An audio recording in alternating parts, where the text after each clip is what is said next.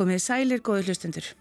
Í síðasta þætti frættumst við um flamenco tónlist þegar gítarleikarin Reynir Haugsson kom í þáttinn og rættu um þá tónlist sem honum er hjart fólknust.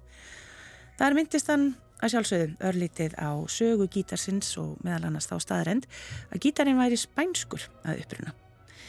Mér fannst því tilvalið að fjalla örlítið nánar um hljóðfærið í þættinum í dag og hef fengið til mín sérfræðing sem er öllum nútum kunnugur í gítarleik og já, spán, en það er Arnaldur Arnarsson gítarleikari sem býr í Barcelona. Og þar situr hann á heimili sínu við tölvuna og við nýtum okkur tæknina og spjöllum saman á Zoom sem flestir eru nú farnir að kannast við og komið hefur heldur betur að góðum nótum undan farna mánuði. Takk fyrir Arnaldur að gefa þér tíma til þess að spjalla við mig. Það var náttúrulega, takk fyrir leiðis. Hvað, þú ert búin að búa Spáni ansi lengi? Já, ég er búin að vera hér í einn 30 og eitthvað ár, 30 og ég bara maður ekki síðan. Þú fór nú hingað í nám 84, höstu 84, það er 34 ár. Já, og það var gítarinn sem að, að dróði til Spánar, ekki satt? Jú, jú, ég hafði lært í náttúrulega á Íslandi og, og Englandi, ég tók lína gráði í Manchester og, og það var með mig eins og, eins og marga, mjög marga gitarista þeir, þeir uh, ákveðað kynna sér spán svolítið og spænska menningu og tungu, er, við erum ölumst upp á spænskri tónlist að hluta til, svona. En er þetta rétt sem að hann Reynir Haugsson sagði, er gítarinn uppháflega spænskur? Já, það er svo sem eftir hversu langt aftur með vilja að fara. Hvað hljóðfærin hétt á sínum tíma, ég er nú enginn sakfræðingur, það er alltaf ekki bara rétt hjá hann. Mm. Ég, það eru til æfa fornar myndir, sko, tekningar af, af hljóðfæri sem að líkist líkist einhvers konar frumstæðum gítar. Það eru til yfir 3000 ára gamlar myndir frá Babylon.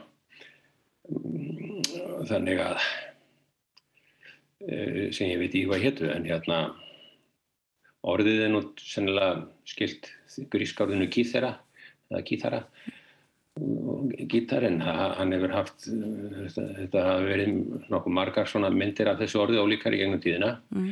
en jú, gítarinn einhvers konar, það var, voru gítarar þekktir á, á spáni á miðöldum, sannlega slem miðöldum. Gitarra Latina var annar kallaður og Gitarra Morisca þeir voru, voru tvö afbríði svona, Gitarra Morisca eða frá tengdum Márana var með meira svona kúft bakk aftur á móti gitarra latína meira kannski flattara bak. Svo hættum við nú að aðgreina þessi hljóðfæri en, en, en það voru til alls konar svona strengja hljóðfæri afsláttar hljóðfæri sko, lútur og sem að márallir komu nú með til spánar Hann talaði líka, talaði líka aðeins um það að það væri sennilega komið frá arabíska hljóðfærinu Laúd. Já, já, Lúd. Lúd, hann náttúrulega orðið lútaðir kemur úr arabískunni, þannig séð. Já. Nú, Lúd hann var svo aldrei neitt sérstaklega útbreyta á spáni á, á sko endurreyslantímanum. Þá, þá var Lúd hann mjög, mjög hérna mjög, mjög vinsa hljóðfæri út um Evrópu, allar Evrópu nema á Spáni og menn svona hafa viljað tengja það svolítið við einhvers konar anduð á, á, á Aröfbónum, á Márunum mm.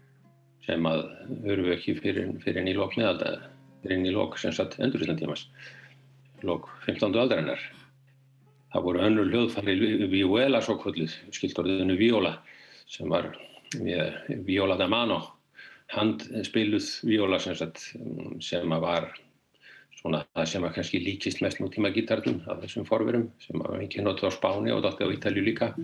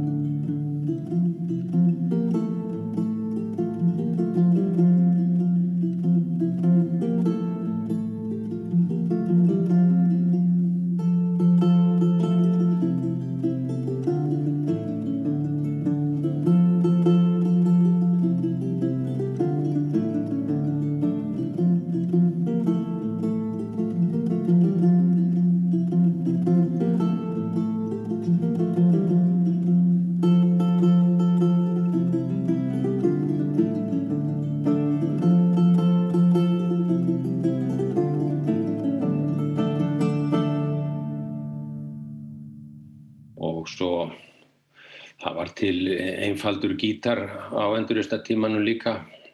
Hva, hvað margir strengir? Fjóri strengir þá eða? Þryggja og fjara strengja gítarar eru þekktir.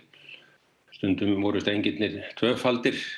Þetta hljómaði alltaf ólíkt nú tíma gítar sem er með einfalda strengi. Barrock gítarin, hann fekk svo femta strengin líka og það voru svolítið ólíka stillingar eftir hvort hann var ítalskur eða franskur eða spænskur.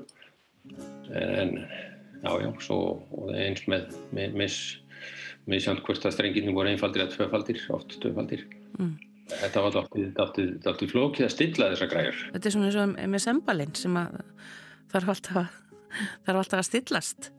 Já, já, það er eins gott að hljóðfæra leikarinn sjálfur kunna stilla þetta. Já.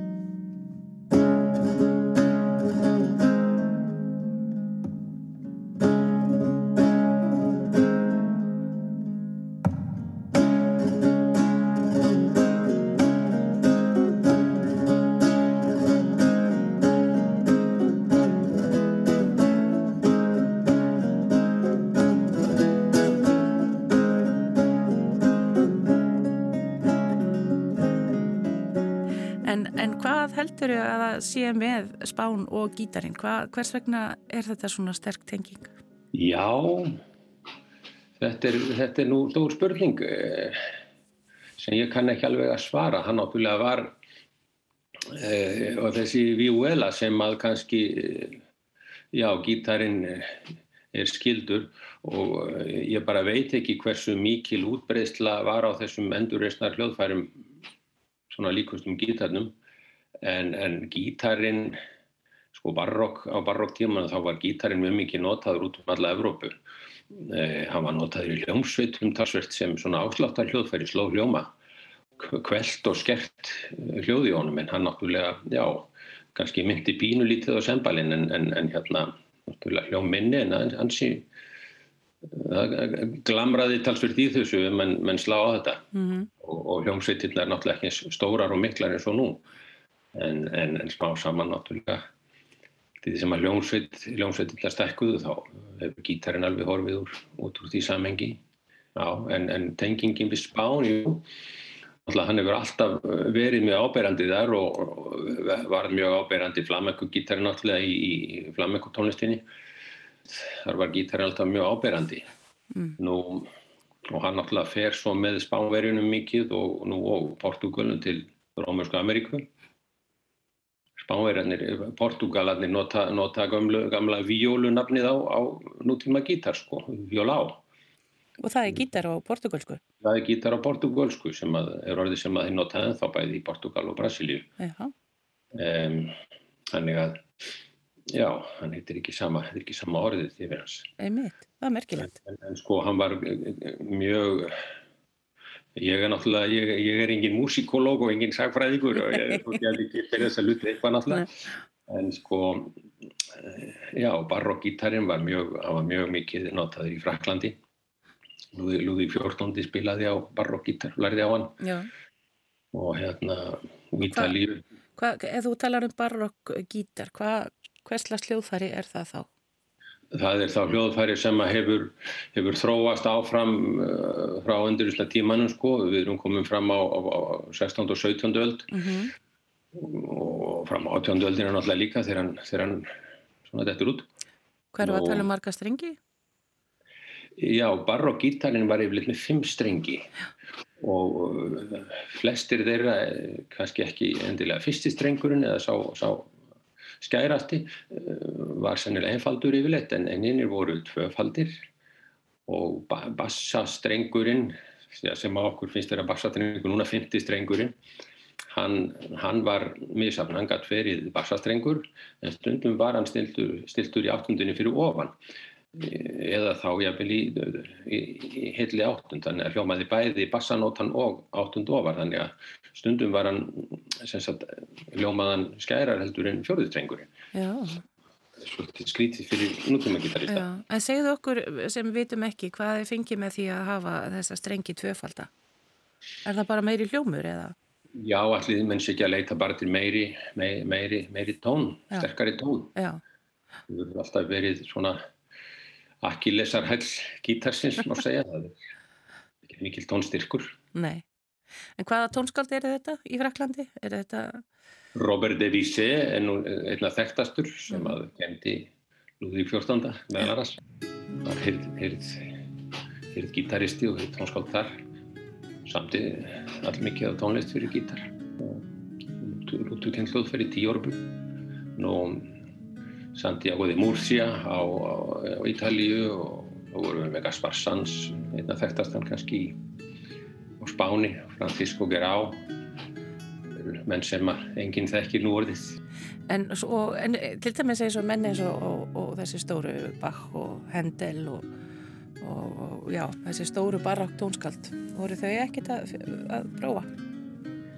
Nei, gítarin Nei, ekki mikið. Þeir notuðu í hljómsveitunum þeirra hafa menn notað sko tíorbur eða lútur og ja, kannski eitthvað notað barokkítara líka en, en, en þeir skrifuð ekki sérstaklega fyrir þessi hljóðfæri sem ennleiksljóðfæri nema ekki fyrir gítarin en það er tilreyndar sko, það var samtíma maður þeirra, Silvíus Leopold Weiss hann var mikill lútumeistari, barokklútumeistari þíska barokklútan og sagan segir að þeir bakegi að hafa þekst um, og hist. Uh, nú það er til það eru til þó nokkur verk eftir Bach sem að eru kölluð lútverk. Uh, flestir hafa nú sennilega verið skrifuð fyrir, uh, fyrir hljómborð. Hann átti létt smíða fyrir sér hljómborð hljómborðsljóðfæri sem að hann kallaði látenverk eitthvað svo leiðis ja það var, það var eh, hljóðfæri sem að reyndi að herma svolítið eftir, eftir hljóm, hljómnum í, í lútunni. Það eru til sögur um það að hann hefði platað áherendur, látið á hlusta í öðru herbeggi á sig spilað þetta og menn held að hann var að spila á lútu. Þetta er sannleikur ekki, en, en ég allavega eh, þekkti náttúrulega lútuna vel og hún var vel, vel þekkt á tíma þessara manna og það er, það er til eitt verk það er svíta það er, það er uh, fynda sellósvítan. Skrifaði sex svítur fyrir selló.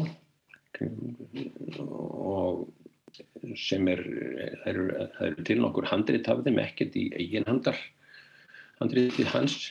Eina, eina, en þessi fynda svíta hún er til í eigin handar afrið, sem sagt skrift handriti Bachs fyrir lútu það er, já, skrifar það bá fransku, búrla lut. Þannig að hann hefur umritað þetta sjálfur þá? Senn. Já, þetta er hans egin umskrift fyrir lútu. Mávegilega breytingar stundum, hann fyllir ekki hljóma svolítið og, og svona, en þetta er sama verkið. Já. En þetta er, þetta er sem sagt umskrift hans sjálfs, þetta er ábyggilega síðari, hann hefur öruglega gert þetta fyrst fyrir Salón. Þetta er tilengað sjúster nokkrum, nú eins og ég segi, hvort hann á þarna við lútuna sjálfa beinti eða hvort hann er, að, er með þetta lútu, lútu hljóðfæri, látenverk, hvort hann er með það í hugað, ég skal ekki segja. En þessi verkans, þessi svokvölduðu lútuverk sem að eins og ég segi eru trúlega skrifuð á, á ljónborð þá hérna þau eru, það er ekkert auðvilt að spila þau á lútu. Einmi, auðvilt er að spila þau á þetta lútu, þennan lútusembal. Já, já, já, já, já. og semballeikarar hafa spilað þessi verktalsvist. En hversu erfitt er fyrir gítarleikara að spila verk sem eru skrifið fyrir lútu? Þar, þar mikið að, að svona, hvað er maður að segja, að stúsast í þeim? Það er mikið að breyta þeim? Það er svolítið erfitt að eiga við verk sem eru skrifið fyrir barokklútuna vegna þess að stillingin á henni var alltaf öðruvísi, talsveit álík. Það er miklu öðvildar að spila eh, á gítar, nútíma gítarverk sem eru skriðið fyrir, fyrir sko endurreysnalútur og, og spænsku víueluna. Þetta eru endurreysna hljóðfæri sem voru með stillingu sem var mjög lík nútíma gítar. þannig að er maður þarf ekki að breyta nema einum hálftón og einum streng þá er maður komið með sömu stillingu og þessi löðfæri Já. þannig að þau spila sig, það er ekkit erfitt að spila þau þannig séð nema þau séu bara erfitt sem, sem þeir eru vissulega en, en hérna barokk Bluetooth tónlistin hún er hún er svolítið vand með farin og eiginlega, já, erfitt að færa hann yfir á gítar. Mm. Sum verk er, sum verk bila sér þokkal á gítarin en önnur finnst mér ekki gera það ná vel, allavega þannig að maður að forna sér miklu. Sumuleiti auðveld er að umskrifa bara fiðluverk eða selvoverk og jável sum hljómbórsverk. En það er sem sagt, ef þú heyrir barokk eh, eða bach tónlist á gítar að þá veistu það að það er einhvers konar umritun. Já, hann náttúrulega skrifaði ekki fyrir gítar. Nei, nei. Það er að það vinna. Já, nei hérna ég uh, ætla ekki að fara að réttlæta þessar umskriftir það er, menn, menn gera það náttúrulega sem menn gera það sem þið sýnist. Nú er það svolítið skemmtileg skemmtileg, hérna skemmtileg hvernig hann orðaði það ágættur vinnum minn Hopkinson Smith, eh, amerískur lútulmeistari mikill sem er búin að kenna mörg ár við skólakandorum í Basel í Sviss. Maður sem ég þekkti mörg ára hann einhverju viðtali var verið að, að spurja hann um, um lútuverk þessa tónlist uh, Silvíus Væs á lútuna og, og, og, og verk Bachs þess að hann, hann hefur spilað þau alltaf á lútu mm. líka.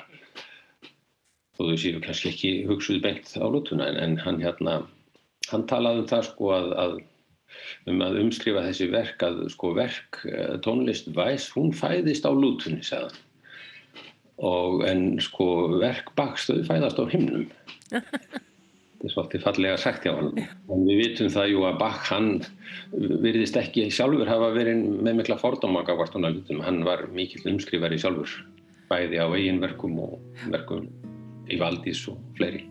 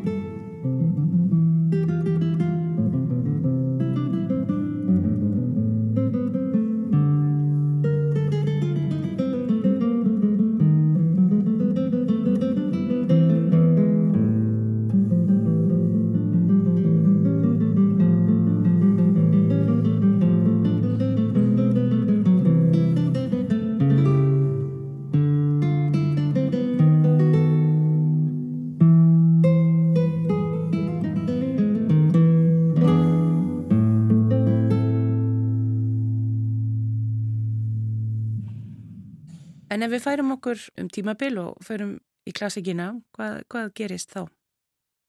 Já, það bætist sjötti í bassastrengurinn sem sagt bætist sjötti strengurinn við, dýfsti strengurinn bætist við á gítarin og strenginir verða bara einfaldir. Hafa nú kannski verið tvöfaldir eitthvað til að byrja með. En og þetta gerist svona upp úr miðri átjóndu öldinni bara. Talaðum 1766 tímabil sem þýskur maður sem að Jakob Otto minnum að hétti sem að heimildir er um að hann hafi bætt þessum sjötta streng við og Ítalir fóru að gera það líka og svo var þetta bara já já, fekk þennan sjötta streng og strengin eru við einfaldir í tímanum, bara sex einfaldir strengir. Og já og gítarin þá hann þetta gerist á þeim tíma sem að þessi klassiska hljómsveit er að þróast líka Hæðin, Mannheimskólinn og gítarinn einhvern veginn hann uh, passar ekki alveg inn í þessa þróun. Hljóðfærin er að leitaði miklu stærri, stærri tóni sterkari tón. Það gengur ekkert mikið hjá gítarnum. Mm. hann er ekkert mjög tónsterkur ekki samanbyrði við náttúrulega og píanóið.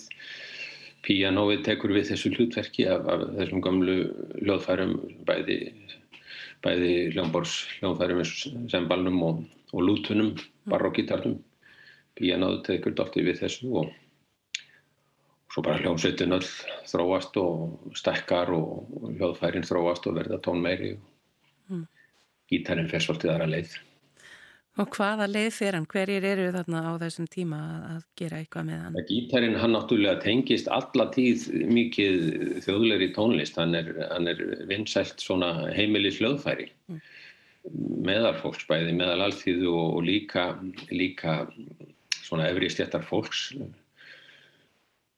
Schubert uh, kunni ábyggilega eitthvað á gítar hann er kannski ekki verið mikil gítaristi en Diabelli, hann, Anton Diabelli Vín, uh, hann, hann var fyrirtar gítarleikari og skrifaði ágætt verkur í hljóðfæri nú uh, Fernando Soren og sennilega stæsta nafnið svona í þessum klassika tíma samtíma maður Beethoven og mikil heimsborgari fór við það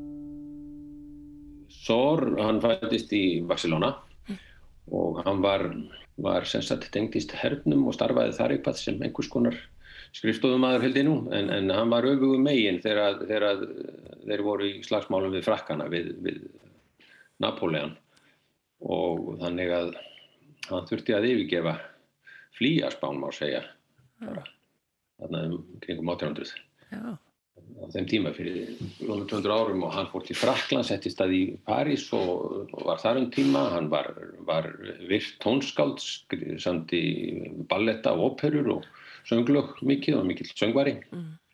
söngmaður og söngkennari og, en svona gítarin var hans aðal hljóðfæri og, hann skrifaði stóra og mikil verk eins og tóka bæði æfingar litlar og stóra rónötur og tilbriða verk heilmikið af verkum fyrir gítar og, og svona sem er hvert undan því að svona svona bráðsnjall maður skildi eigða svona mikill orku í jafn ómerkileg hljóðfæður og gítarin.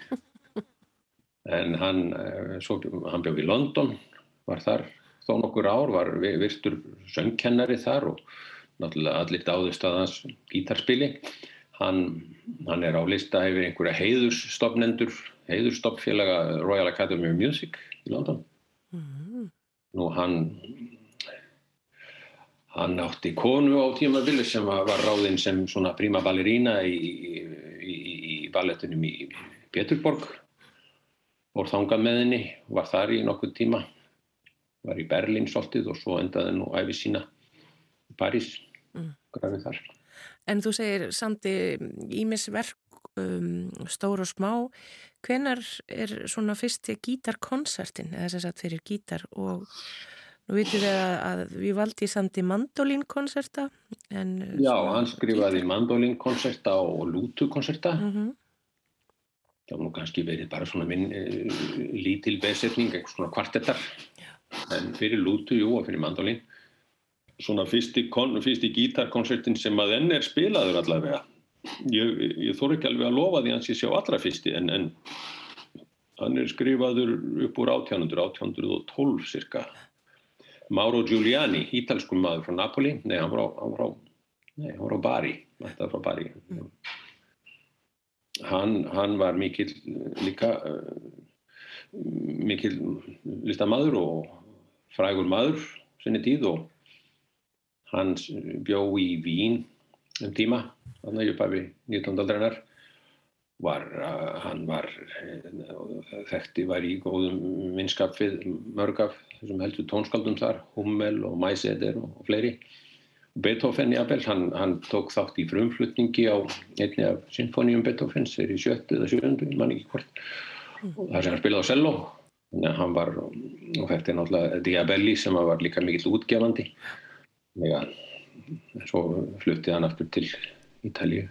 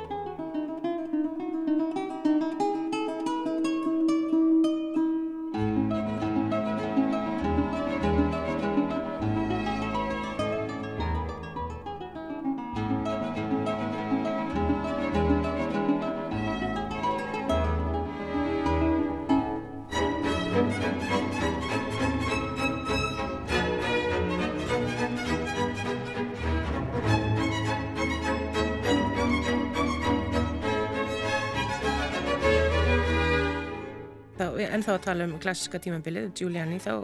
Já, já, þetta er svona þetta eru menn sem að eru, eru já, samtíma menn og Rossini í Ítalíu. Giuliani var mikil vinnur Rossini Rossini, var hann eitthvað í að semja notaði hann, kom nú þarna einhverju það eru til eitthvað í einhverjum óperum eh, kannski einhver smá gitarpartur einhver staðarinn en það er óskup lítið til síndu ljóðfæri en ekkert, ekkert öðruvísi sko. Nei, nei, nei, einmitt. Það, til, það eru til uh, tónverk eftir Sönberg og Mahler og, og inn á þessi tónskald og Stravinski þar sem eru gítarpartar. En svo er ekki minni maður en um, senjur Paganini sem kemur og, og fattar að, að þetta er bara ágæntast af hljóðfæri.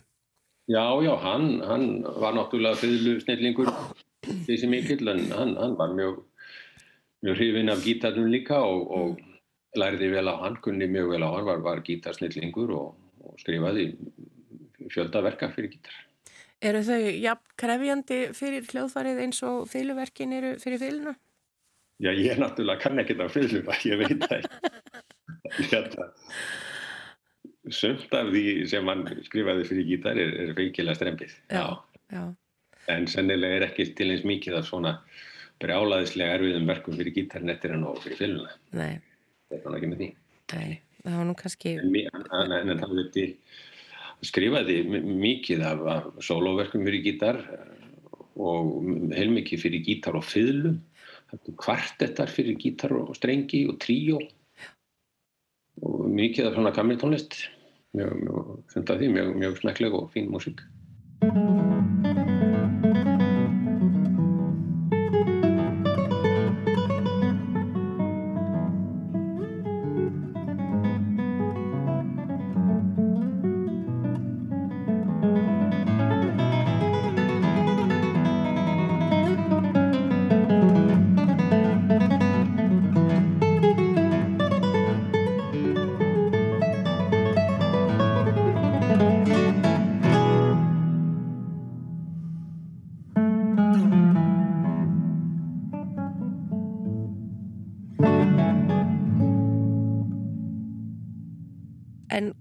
Kannski þá blómstra svolítið vel á romantíska tímumpilinu á Spáni, ekki sett?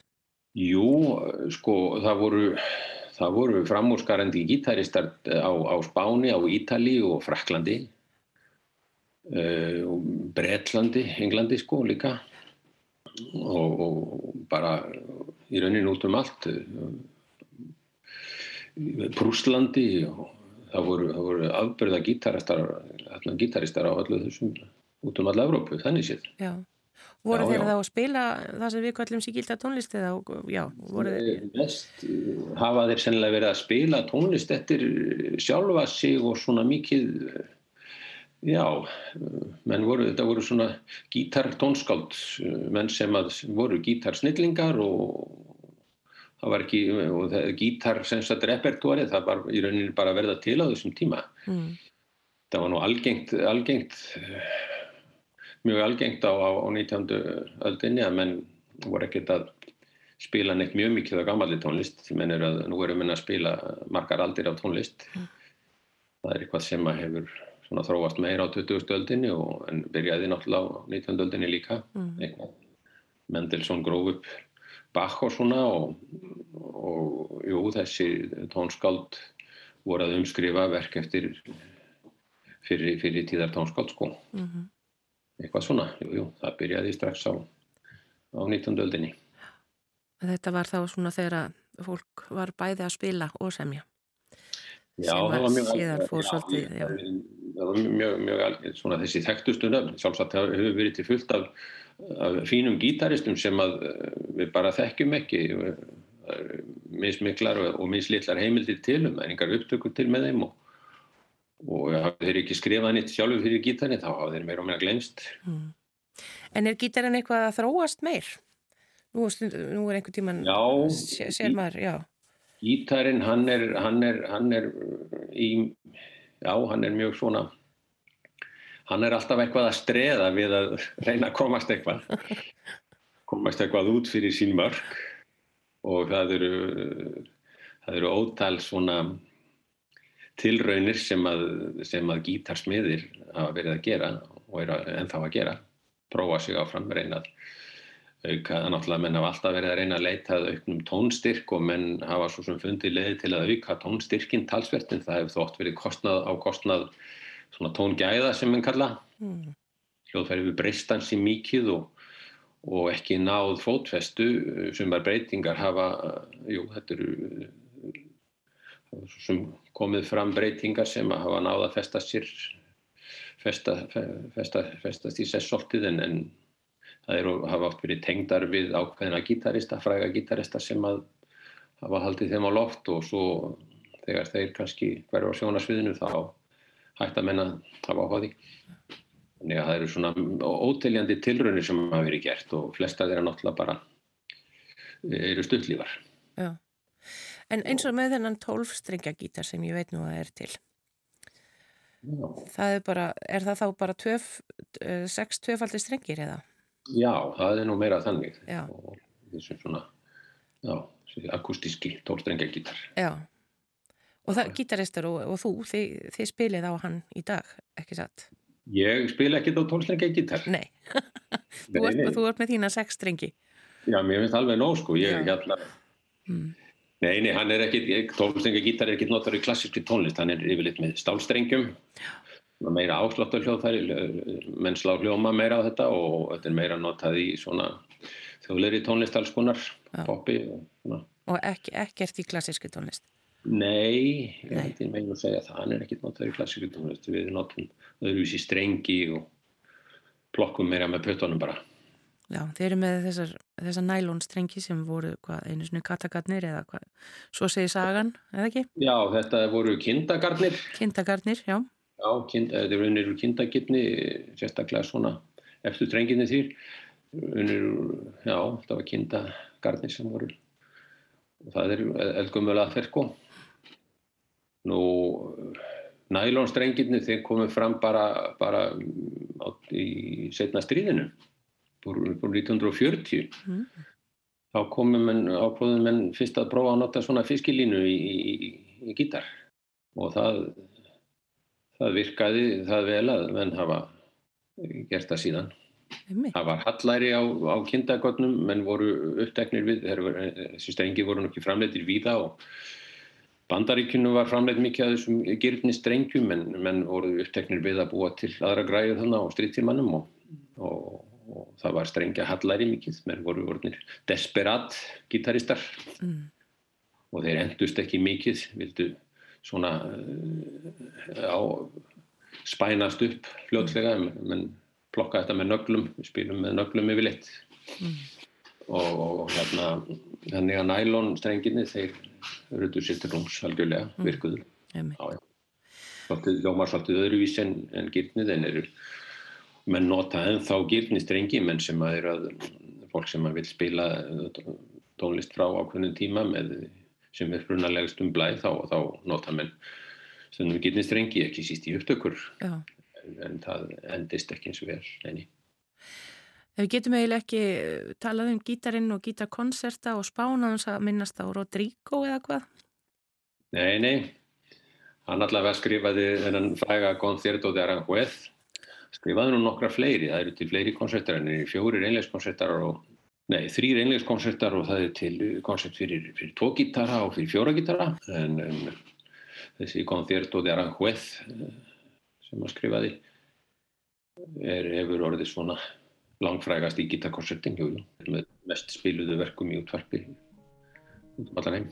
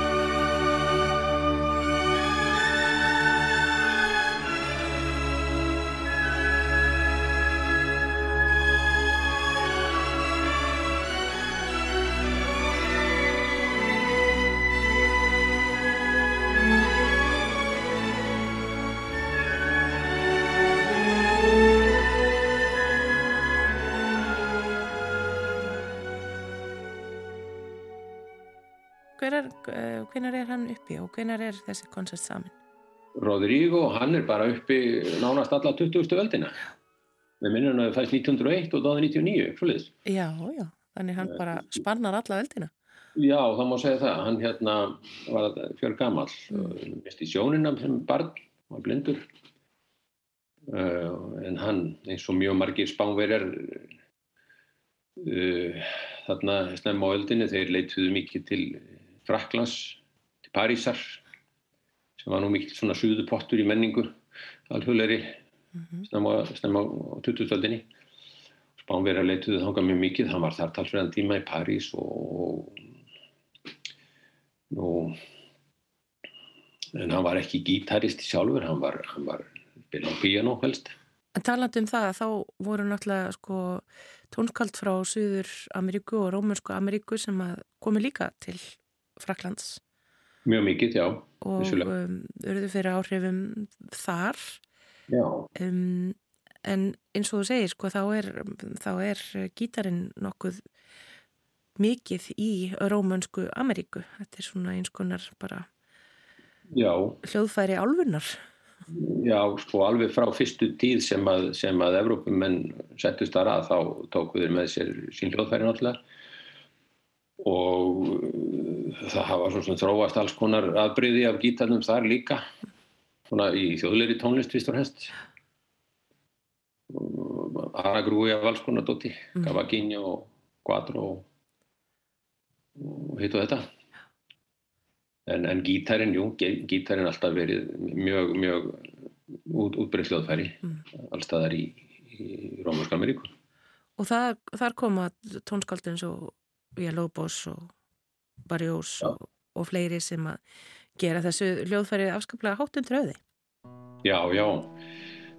Vila Lóbos, hann var náttúrulega svolítið sérstak, sérstakur. Hann, hann, hann var, var ekki svona eitt sérstaklega mentaður, fór, fór ekki gegnum svona formlegt konservatóri beint. Þegar hann var alast upp þá, hann um 1900 sko, fyrir 1900 þá fættist 1887 þá þá er, er Suður Ameríks tónlist afskaplega mikið undir áhrifum frá Evrópu, mm. nýlendur og Evróps menning mjög áberandi þar og, og ræður mjög mikið ríkum svona í, í valdastjettum og svona hefnaðir í stjettum þar. En það er svona, já, en, en Vila Lobos hann, hann læriði á gítar og læriði á cello og klarinett eitthvað líka, henni mig og lærði svo eitthvað á piano líka það er bara þegar hann var fullorinn e, og stjórnaði mikið náttúrulega og alveg gríðarlega afkasta mikill maður bæði hvað var það tónsmíðar og, og hann syndi með svona tónlistar mentamálum geysilega mikið í Brasilíu.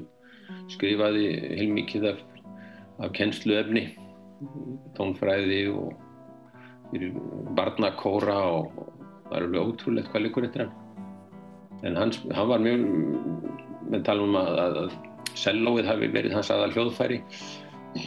Sannlega er það rétt, við vitum ekki alveg, það eru til upptökkur af gítarspili sem mann segja að sé hann en, en það er engar sannanir alveg til fyrir því en hann hefur trúlega verið mjög liðtæk og gítaristi.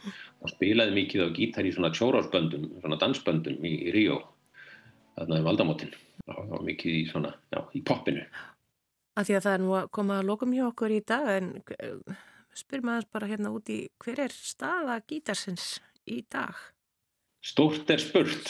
Svona innan hins í, já, samtíma tónlistar. Við, ég er náttúrulega að tala sem klassika gítarinn mínu náttúrulega. Náttúrulega vita allir hvernig hann stendur í, í, í rocki og poppi og jazzi. Það var berandi alltaf. Nú hvað klassiska gítarinn varðar þá Já, gítarinn hann er svona eins og ég hef sagt, hann er ekki einhvern veginn varðaldrein eitt áberandi mikið í, í, í náttúrulega það var ekki mikið hljóns, það var ekki hljónsveitar hljóðfæri og hann hefði svo sem til heilmikið af kammertónlist þar sem gítarinn er notaður uh, alveg frá því um 1800 sko.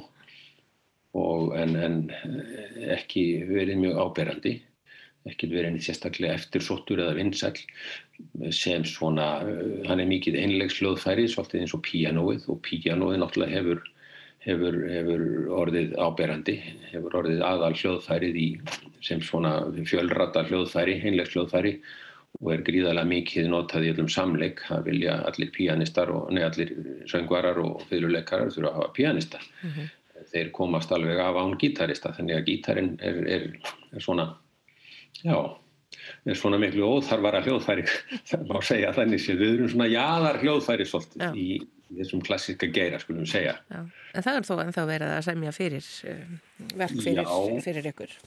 Það hefur, já, það er talsveit mikið lífi í honum þannig séð, það er mikið, hefur mikið verið skrifað og margt mjög, mjög fínt á tónlist og sem að ég er náttúrulega bara mjög ánáði með og við eigum, jú, jú, mikið af tónlist og sundavenn er mjög fín, er, við spönnum allt í breytt svið, við erum, að, við erum ég ætla nú ekki að fara að skjóta á neitt en, en maður sér með, með píjánuleikarana sko, þeir eru alltaf mikið í mikið í, í 19. öldinni er margir sem að fara ekkert mikið út fyrir hana svolítið fram á 20. öldina ég held að gítaristar náttúrulega þeir eiga ekki eins mikið að maður skilur píjanistana því að þetta er svo stórkostlega mikið af, mikið af svo stórkostlir í tónlist þeir hafa. Þeir engin leið að komast yfir þetta allt. Mm. og, svo, svo flott músík. Gítaristar hafa ekki úr eins miklu að móða vissulega þannig að sem betur fyrir þá er mikið verið skrifað fyrir gítarin á 2000-stöndinni við erum að spila bæði nútíma tónlist örgustu nútíma tónlist og svo allt aftur í alls konar svona þjóðlega tónlist þjóðlega, þjóðlega tónlist og náttúrulega mikið af suðuramerísku tónlistinni er, er, er er, er, það, það má sjá mikið af svona þjóðlegum áhrifum þar. Mm. þannig að jú, þetta er svona við blöndum saman svona mjög sterkum þjóðlegum hefðum og, og, og svona það sem að kalla þeir meiri klassík En færðu tækifæri til að spila mikið núna? Hvernig er staðan hjá okkur úti í Barcelona núna? Núna með veiru skammina það er hansi mikið strand. Þetta er svona ári í svega skulum við segja. Ári í svega, sér eitthvað fyrir endan á sig á ykkur? Já, menn eru náttúrulega bara að byrja þeirra bólusitti hér eins og annar staðar. En það er mikil sigling á þessu, á þessari pöttu eins og við þar í Evrópu, gengur ítla aldrei sem niður í og jú, þetta er hún er, gengur hvergins vil á Íslandi En við vonum þetta fara að lagast á viðar en bara hér Já, já, manni því geta að pölu eftir að sjá hvað þetta hefur áhrif á marga, hvað eru, er allt og margir að deyja á þessu og svona erfitt að, að stjórna þessu Já, það er mjög daflögt en auðvitað tekur þetta einhver staðar enda. Það hlýtur að gera það. Já, já. En þetta er á enda hjá okkur, þetta spjall, Arnaldur Arnarsson, gítarleikari. Takk kærlega fyrir að spjalla við mig um, um gítarin. Og já, takk fyrir leiðis. Bara ég vona að þú farir að geta spilað fyrir fullta fólki áður en værið. Ekki vafi. Já, takk kærlega. Takk fyrir leiðis. Ágættur hlustendur, lengra verður þetta ekki í dag hjá okkur. Ég þakka þeim sem lítu, þannig að þið næst hafi það sem allra best.